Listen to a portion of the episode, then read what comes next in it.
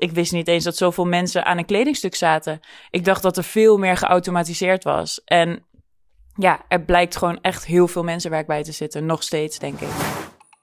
Welkom bij Niet Groen, de podcast. Ik ben Suzanne. Mijn naam is Rachel. En ik ben Nienke. Wij delen hier onze ervaringen met jullie om je te inspireren om je verantwoordelijkheid te nemen als modebedrijf. Welkom bij een nieuwe podcast. Ehm, en eigenlijk ook welkom bij een nieuw seizoen, want dit is seizoen 2 van Niet Groen de podcast. En ik ben weer terug, dus dat is fijn. Ik heb de afgelopen vier maanden gereisd in uh, Midden- en een beetje Zuid-Amerika, wat echt waanzinnig was. Uh, maar ik heb ook super veel zin om weer aan de slag te gaan en me te storten op nieuwe duurzame projecten. En om dit seizoen af te trappen willen we eigenlijk graag uh, meer gasten uitnodigen. En ook iets meer vertellen waarom wij dit doen en misschien onze eigen ervaringen delen. Dus we dachten we gaan de eerste aflevering het hebben over waarom vinden wij duurzaamheid belangrijk. Zodat jullie ons ook nog een klein beetje beter leren kennen. En on that note, misschien is het leuk om dan ook meteen iets anders heel leuks persoonlijks te delen. Ga je mij nu forceren om te vertellen dat ik verloofd ben in de laatste vier maanden? Verloofde vrouw is terug. uh, laten we beginnen met Rachel. Rachel, hoe ben jij überhaupt begonnen in jouw reis uh, op het gebied van duurzaamheid? Het is niet echt in één soort vast moment waarin ik dan denk: oh ja, dat is echt voor mij het moment geweest van um, mijn openbaring of mijn startpunt of zo. Maar ik weet wel dat ik vroeger als kind wilde ik altijd in Afrika een weeshuis beginnen. Armoede raakt mij gewoon heel erg. En de verdeeldheid en de ongelijkheid. Dus daar was ik altijd wel heel erg mee bezig. Als ik nu terugkijk, denk ik, oh ja, nu snap ik ook waarom ik dus bepaalde keuzes heb gemaakt. En creativiteit was ook altijd heel erg belangrijk voor me. Dus dat is ook een keuze waarom ik dan naar het amfi ging. Um, maar ik merkte daar ook dat hoe steeds meer ik leerde over wat er in de wereld gebeurt. En je wereldbeeld steeds breder wordt. En je spreekt met steeds meer mensen. En ik was ook altijd iemand die dan gewoon veel vragen stelde. Of als ik naar mensen op zoek ging, die ook met zo'n soort onderwerp mee bezig waren. En daarmee ging sparren en zo. En een soort van mensen samenbracht. Ja, want als ik me goed herinner, uh, wij hebben allebei Amfi gedaan. Nienke heeft HKU gedaan. Um, ben jij wel echt vanaf het, je Amfi-periode en ook met je stages en je eerste baan al gelijk je gaan richten op duurzaamheid? Ja. Hoe, ja, hoe heb je dat een beetje aangepakt?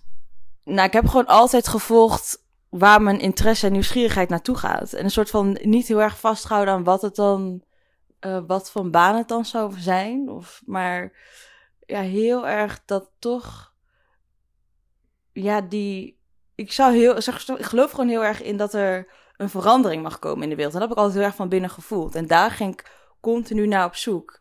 Uh, en dat ben ik nog steeds een soort van naar, soms naar op zoek van hoe kunnen we nou echt die verandering brengen. Maar ik voel wel heel erg dat ik dat heel erg van binnenuit altijd al een soort interesse was. Het is niet dat het van buitenaf opeens een moment was van wow, nu heb ik het, raakt het me heel erg en ga ik aan de slag. Ik heb dat altijd al uh, gehad, zeg maar ook met scouting deed ik van die plastic dingen, mm. oprapingsnatuurdingen en zo als kind af aan was ik daar heel erg mee bezig. Oh ja, daar moet ik ook aan denken. Ik heb dat ook een keer gedaan, zo'n Green Team, dat is dan zo'n jongere Greenpeace uh, tak. En dan gingen wij ook inderdaad op onze zaterdag, gingen we dan met zo'n groepje dat allemaal opruimen. Dus als ik er nu over nadenk, stond het er wel jonger in. Ja, ja. Maar herken jij dat ook niet? Heb jij ook dat je al vanaf het begin dacht, ja, dit is echt mijn missie? Nou ja, ik had wel een heel specifiek moment dat ik echt merkte van hier wil ik iets mee gaan doen in mijn carrière. En dat was wel, dat was tijdens mijn studie. Uh, ik had inderdaad HKU gedaan, daar heb ik mode, mode gestudeerd. En daar, um, voor die studie was ik altijd mega verliefd op mode. Ik was echt zeg maar zo'n meisje die alle modetijdschriften kocht en eigenlijk continu naar winkels ging. Niet eens alleen om, om kleding te kopen, maar gewoon omdat ik alles zo mooi vond. En gewoon continu die inspiratie en die kleuren en die nieuwe pasvormen en dat soort dingen vond ik heerlijk. Dus dat was echt mijn liefde. En um, toen ik mode ging studeren, toen was er een docent en die vertelde mij over wat er eigenlijk allemaal ook achter zit. En dat was voor mij de eerste keer dat ik uh, dat soort van dat bubbeltje werd doorgeprikt. Van, oh, wacht even. uh, het is niet allemaal zo mooi als dat het lijkt. En um, dat was voor mij echt een eye-opener. En toen wist ik ook meteen van, hier wil ik iets mee. Want ja, ik heb dan niet bij een uh, groene scoutingclub gezeten. maar ik heb wel uh, vanuit, inderdaad, toen ik kind was, uh, merkte ik al dat ongelijkheid of, of als iets niet eerlijk was, raakte mij ook heel sterk. Dus zo heel persoonlijk. Dus ik heb wel eens met, um, met mijn vader de discussie gehad. Ging toen om vlees. Wij aten thuis bijna nooit vlees. Uh, mijn zus was ook vegetariër en eigenlijk mijn ouders ook. Maar af en toe aten we vlees omdat ze dachten, nou is misschien toch wel goed, gezond voor kinderen. Misschien moeten die af en toe vlees eten. Ik vond vlees heel lekker. En dus als ze dan vlees hadden, dan had je soms natuurlijk ongelijke groottes van, van vlees, right? Ik ben toen echt, toen was ik, nou ja, weet ik veel, acht of zo, of zes, ik weet het niet, echt heel jong. Ben ik de discussie met mijn vader aangegaan van, uh, omdat hij ging ervan uit dat hij het grootste stukje vlees mocht. Maar ik dacht, hell no, hoezo? Dit gaat om, om smaak en niet om, um, om vulling. We hebben genoeg, we hebben groenten, we hebben andere dingen. Dat is de vulling. Hier gaat het daar niet om. Dus nou ja, dat is een heel persoonlijke vorm van ongelijkheid. Misschien een beetje een raar voorbeeld. Maar ook als ik dingen in de wereld zag die gebeurden, die ongelijk waren, dan kreeg ik gewoon echt zo'n ja, heel sterk gevoel bij, heel diep van binnen, dat het echt, dat ik merkte, nee, dit kan echt niet. Ja, grappig, want ik denk dat we onze gemeenschappelijke waarden hier een beetje mee te pakken hebben. Met dat oneerlijke, gewoon eerlijkheid is gewoon echt ook voor mij zo'n belangrijke waarde, inderdaad. Ik had ook een beetje zo'n moment van ik begon inderdaad ook een beetje naïef in de mode. Ik vond, ik, ja, hoe ik mijn studiekeuze had gemaakt was gewoon, ja, wat vind ik leuk? Mode en economie. Nou, dan heb je fashion en management op Amfi, lijkt me top. Mhm. Maar het was eigenlijk heel anders dan ik had verwacht. Want ik, ja, ik weet niet, ik wist er eigenlijk weinig van. Ja, op een gegeven moment kom je gewoon stapje voor stapje dichterbij, oh ja, hoe wordt het eigenlijk gemaakt? En je begint gewoon heel erg met het product. Maar op een gegeven moment ga je naar ik weet gewoon nog één moment dat ik naar een fabriek ging in China. En dit was niet een fabriek waar dat bedrijf produceerde waar ik werkte. Maar het was gewoon even om te laten zien wat voor mooie fabriek ze hadden. En het was huge. Het was denk ik de grootste fabriek waar ik ooit was geweest. En ik zag al die mensen rijenlang hier zitten. En ik dacht alleen maar, ik hoop dat het goed met ze gaat. en toen dacht ik, ja, dit is eigenlijk, er werken zoveel meer mensen in de hele keten dan dat ik. Ik had het niet eens verwacht. Ik wist niet eens dat zoveel mensen aan een kledingstuk zaten. Ik dacht dat er veel meer geautomatiseerd was. En ja, er blijkt gewoon echt heel veel mensenwerk bij te zitten. Nog steeds, denk ik. Ja, dat is wel grappig. Hadden we het inderdaad in de voorbereiding ook even over. Ik dacht vroeger inderdaad ook van dat heel veel kleding gewoon door een machine werd gemaakt. En dat er niet zoveel mensen bij kwamen kijken. En ik denk dat dat, nou ja, stiekem misschien meer mensen dat ook hadden, zeg maar, dat, dat, dat beeld. En ja, als je er dan langzaam steeds meer achter komt, precies wat jij zegt, dan ga je gewoon echt vragen stellen en dan ga je je pad eigenlijk, wordt daardoor beïnvloed eigenlijk. Met wat je daar, daar ook mee wil doen. Zijn er ook nog mensen die jullie uh, erg hebben geïnspireerd in deze hele reis? Zijn er, want ik vond het best wel lastig om te beginnen met inderdaad wat je zegt. Je voelt heel erg van, oh ja, ik wil die kant op. Maar hoe kan je die stappen zetten om, ja, om daar te komen. Want ik heb het gevoel dat wij alle drie zijn opgegroeid, of eigenlijk in ons werkende leven zijn gestapt, toen die transitie van duurzaamheid steeds groter werd. Dus het is natuurlijk niet ineens bam. En ik heb het gevoel dat iedereen die nu een modeopleiding doet, weet, er zit altijd wel een deeltje duurzaamheid bij. Maar ja, in mijn geval was het één iemand op Amfi die gewoon een ellenlange presentatie over duurzaamheid hield. En ja, heel eerlijk gezegd vond ik dat niet zo heel interessant. Het kwam bij mij echt pas later, als je zelf gaat ervaren van, wow, ik wil hier wat mee. Hebben jullie daar tips of ervaringen in waarmee, ja, wat jullie een beetje heeft aangezet of heeft geholpen? Mensen die mij heel erg hebben geïnspireerd, dat is sowieso Fleur Meerman. Want ik heb haar toen leren kennen toen ik bij een bedrijf werkte. Dus ik kwam uit India. En uh, toen was ik helemaal overweldigd en dacht ik, wow, wat, wat een verdeeldheid in deze wereld. Toen kwam ik ook echt een beetje boos terug naar, naar Nederland. Van, gewoon boos op de hele wereld. Van, hoezo gaan we zo met elkaar om? We zijn allemaal mensen, weet je wel. Alleen omdat we dus duizenden kilometers verderop uh, wonen, is het gewoon, hebben, voelen we die verbinding niet of zo. Ik begreep daar niks van. En toen ging ik dus werken bij uh, twee modebedrijven en leerde ik Fleur Meerman kennen. En zij is überhaupt mijn gehele carrière echt een beetje mijn mentor. Uh, maar ze heeft mij heel veel geleerd over ja, hoe, hoe, culturen, hoe businessculturen ontstaan, waar dat vandaan komt, waar die overtuigingen vandaan komen over, zeg maar, toch de waarde aan geld en macht en onderdrukking. En zeg maar in verschillende culturen. Dus zij uh, nog steeds, zeg maar, is echt ja, een soort mijn mentor in dat hele proces. Super fijn. En zo heb ik wel meerdere, ook bij bedrijven waar ik zat, dat ik echt zo'n altijd een iets ouder iemand, dus 50, 60, die dan echt zo voelde als een ja, coach of zo, waar ik mm. alles aan kon vragen. En dat voel ik nu nog steeds wel, ja. Ja, voor mij was het, was het iets anders. Ik had inderdaad, uh, toen ik dus op mijn uh, opleiding erachter kwam van... hé, hey, er zit wat meer achter de mode-industrie dan wat ik dacht. Toen was ik best wel verloren, zeg maar, daarin. Omdat ik toen merkte van, oké, ik wil hier iets mee. Maar dat was in, ik ben in 2010 afgestudeerd, dus dat is alweer 13 jaar geleden. En toen was het gewoon heel anders. Toen was gewoon duurzaamheid, had echt een mega, mega donkergroen imago, zeg maar, geitenwolle sokken. Uh, alles van hennep gemaakt, uh, geen vorm uh, in kleding, zeg maar. Dat was toen een beetje de nasleep uit de jaren negentig, toen de eerste soort van groene golf in, in mode kwam. Er was nog niet zo heel veel veranderd, er was niet zo heel veel nieuws, tenminste niet waar ik van wist.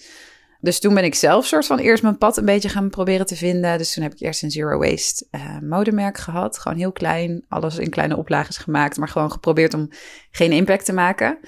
Maar ik was echt wel op zoek naar inderdaad naar soorten rolmodellen die mij konden inspireren. Die heb ik eigenlijk pas later gevonden toen ik echt bij een modemerk ging werken en daar met MVO aan de slag ging. Daar heb ik volgens mij wel eens eerder over verteld. Dat was bij Le Dress en daar ging ik in die periode, ook buiten mijn werk om, ging ik steeds meer naar evenementen om meer te leren over, over duurzaamheid. En daar op een gegeven moment ben ik bij een evenement geweest en daar hoorde ik Safia Mini spreken. En zij is ook, zij zit in de documentaire The True Cost. Die had ik toen ook al gezien en daarin vond ik haar al mega inspirerend, omdat zij gewoon echt on the ground, zeg maar, met de mensen die de kleding voor haar merk, People Tree toen, uh, produceerde, ging ze echt kijken naar, oké, wat zijn jullie skills? Wat kunnen jullie, hoe kunnen we jullie daar goed voor betalen? Uh, zij was echt heel erg persoonlijk bezig met die mensen, maar ook heel inspirerend en ik vond haar mega slim. Zij was, is ook volgens mij advocaat oorspronkelijk of iets dergelijks en is de industrie ingegaan, of de mode-industrie. Dus dat was voor mij heel inspirerend. En toen heb ik later ook een keer uh, Catherine Hamnet uh, horen spreken. En ik vond haar echt een rockster. Echt niet normaal. Ja, zij zit dus ook echt al sinds, nou ja, de jaren negentig of misschien eerder, volgens mij zelfs, is zij echt al bezig in duurzame mode. En zij is echt, heeft gepioneerd als eerste met uh, we moeten organic cotton gaan gebruiken. En zij is daar, heeft zich echt hard daarvoor gemaakt. Zij heeft echt, nou ja, sowieso, zij had van die, die t-shirts met die politieke leuzen erop, die ze ook gewoon in hele publieke settings droeg. En daar echt, nou ja, mensen mee voor uh, boos maakte, maar andere mensen ook weer mee activeerde. Dus ik vond haar mega vet. En zij is nu, nou ja, echt oud. Zij zou echt al lang gepensioneerd moeten zijn, geloof ik. Maar zij is nog steeds gewoon mega inspirerend als je haar hoort praten. Zij is echt, echt een rockster. Dus dat zijn een beetje voor mij de twee vrouwen die me echt uh, hebben geïnspireerd ik heb het gevoel dat het bij mij iets later is begonnen, omdat ik eerst best wel een tijdje als product developer heb gewerkt. En um, ik weet ook nog dat de eerste keer dat ik bij, waar wij kennen elkaar van de Nederlands Kledingconvenant. Jullie ook toch? Ja. ja. wij kennen elkaar van de Nederlands Kledingconvenant.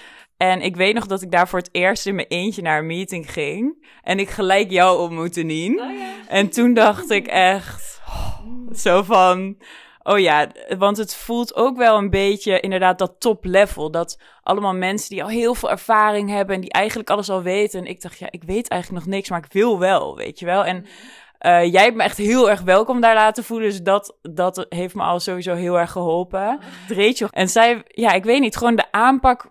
Want ook al heb je een soort van werkrelatie toch een beetje de aanpak van we doen het samen en ik help jou verder. Dat heeft me, ja, ik weet niet, dat vind ik gewoon zo bijzonder aan de duurzame mode versus misschien de rest van de mode-industrie. Want die kan best wel hard zijn en ja, ik weet niet. En ik kijk ook heel graag naar merken als bijvoorbeeld uh, Zazie Vintage van uh, Janne de Kroon.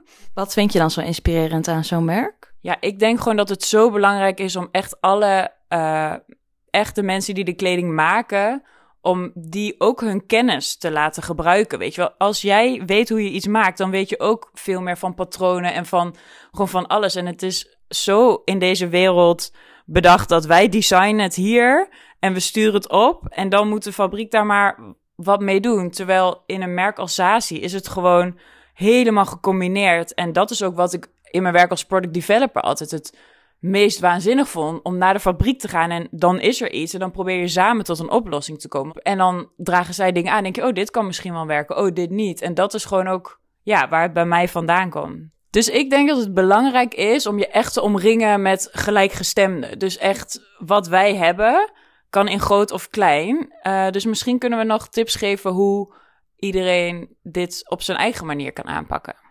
Ja, ik heb wel een leuk voorbeeld. En dit voorbeeld deel ik eigenlijk niet zo heel vaak. Maar is eigenlijk superleuk. toen ik dus bij Ladress werkte, toen ik, voordat ik daar de MVO-manager werd, toen werkte ik daar ook als product developer. Of product development coordinator.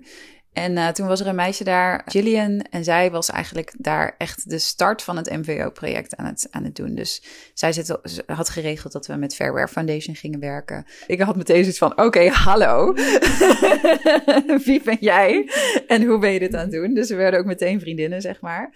En mijn zus, die uh, is ook altijd heel erg bezig geweest met bewustzijn en met mode. En uh, we merkten op een gegeven moment dat we alle drie uh, heel erg ja, meer daarvan wilden, wil, wilden weten. En dat we in onze eigen velden eigenlijk dingen daarover aan het leren waren. Dus of door naar evenementen te gaan of, of wat dan ook, of binnen, binnen ons werk, verschillende dingen. Dus toen zijn we samen een clubje gestart. En dat was gewoon met z'n drieën uh, gingen we één keer in de twee weken mieten. En gingen we onze ervaringen met elkaar delen van wat we, wat we hadden geleerd die afgelopen twee weken. En we noemden dat clubje ook de Sustainability Club. dus daar is uiteindelijk ook de naam van mijn bedrijf uh, vandaan gekomen. Uh, maar dat heeft ook echt veel voor me gedaan. Omdat ik toen in één keer het gevoel had van. Ook al was het echt mega klein en echt, nou ja, ik bedoel, uh, we waren gewoon drie meiden, drie vriendinnen eigenlijk. Maar we konden elkaar zo inspireren en ook motiveren. En door net van andere invalshoeken meer kennis te krijgen over dingen, voelde ik in één keer van, oh, er is zoveel mogelijk. En ik kan hier echt iets mee in mijn werk. En um, ja, dat was voor mij echt, uh, heeft dat echt heel veel gedaan. Hoe was dat voor, je, voor jou, Rachel? Heb jij daar een voorbeeld voor? Ja, want zeg maar hoe wij zijn begonnen met z'n drieën. Dat is zeg maar ook dat we, althans ik voelde erg de behoefte toen ik net begon met ondernemen om met inderdaad mensen dus te sparren die hetzelfde werk doen, dus Suus en Nien. Uh, maar ook het ondernemerschap konden combineren. En uh, toen hadden we dus afgesproken om één keer in de maand of zo bij elkaar te komen. En dan dat we inhoudelijke vragen konden delen, maar ook de ondernemersvragen uh, en struggles en zo. En daar is uiteindelijk ook deze podcast denk ik uitgeboren. Een soort van om met elkaar, van elkaar weer te leren en met elkaar in gesprek te gaan. Dus ik vind dat voor nu wel echt een heel concreet iets, denk ik, ja. Waar ik nog steeds heel veel uithaal. Ja, zeker. Ik ook. Het is echt, uh, echt een gezellig warm bad. Dus volg ons op uh, Instagram. Dat is een goede start, denk ik al. En inderdaad, begin je soort van je eigen club. Om, je, om jezelf aan te zetten en ja, ook een beetje om inspiratie te zoeken. En er zijn superveel netwerkevents waar we bij Fashion for Good bijvoorbeeld, of remake. Dus dat zijn allemaal dingen, daar kunnen we misschien ook wel een keer dieper op ingaan. Van welke events zijn er en hoe, uh, ja, de meeste kan je gewoon zelf heen. Dus dat is superleuk, vind ik, aan de duurzame kant van de mode-industrie. Ik denk dat we aan het eind zijn gekomen van de eerste podcast van het nieuwe seizoen. Heel erg bedankt voor het luisteren. En je kan ons vijf sterren op Spotify geven. Maar we zitten sinds kort ook op Apple Podcasts. Dus het zou super leuk zijn als je daar een review achter kan laten. Tot de volgende keer.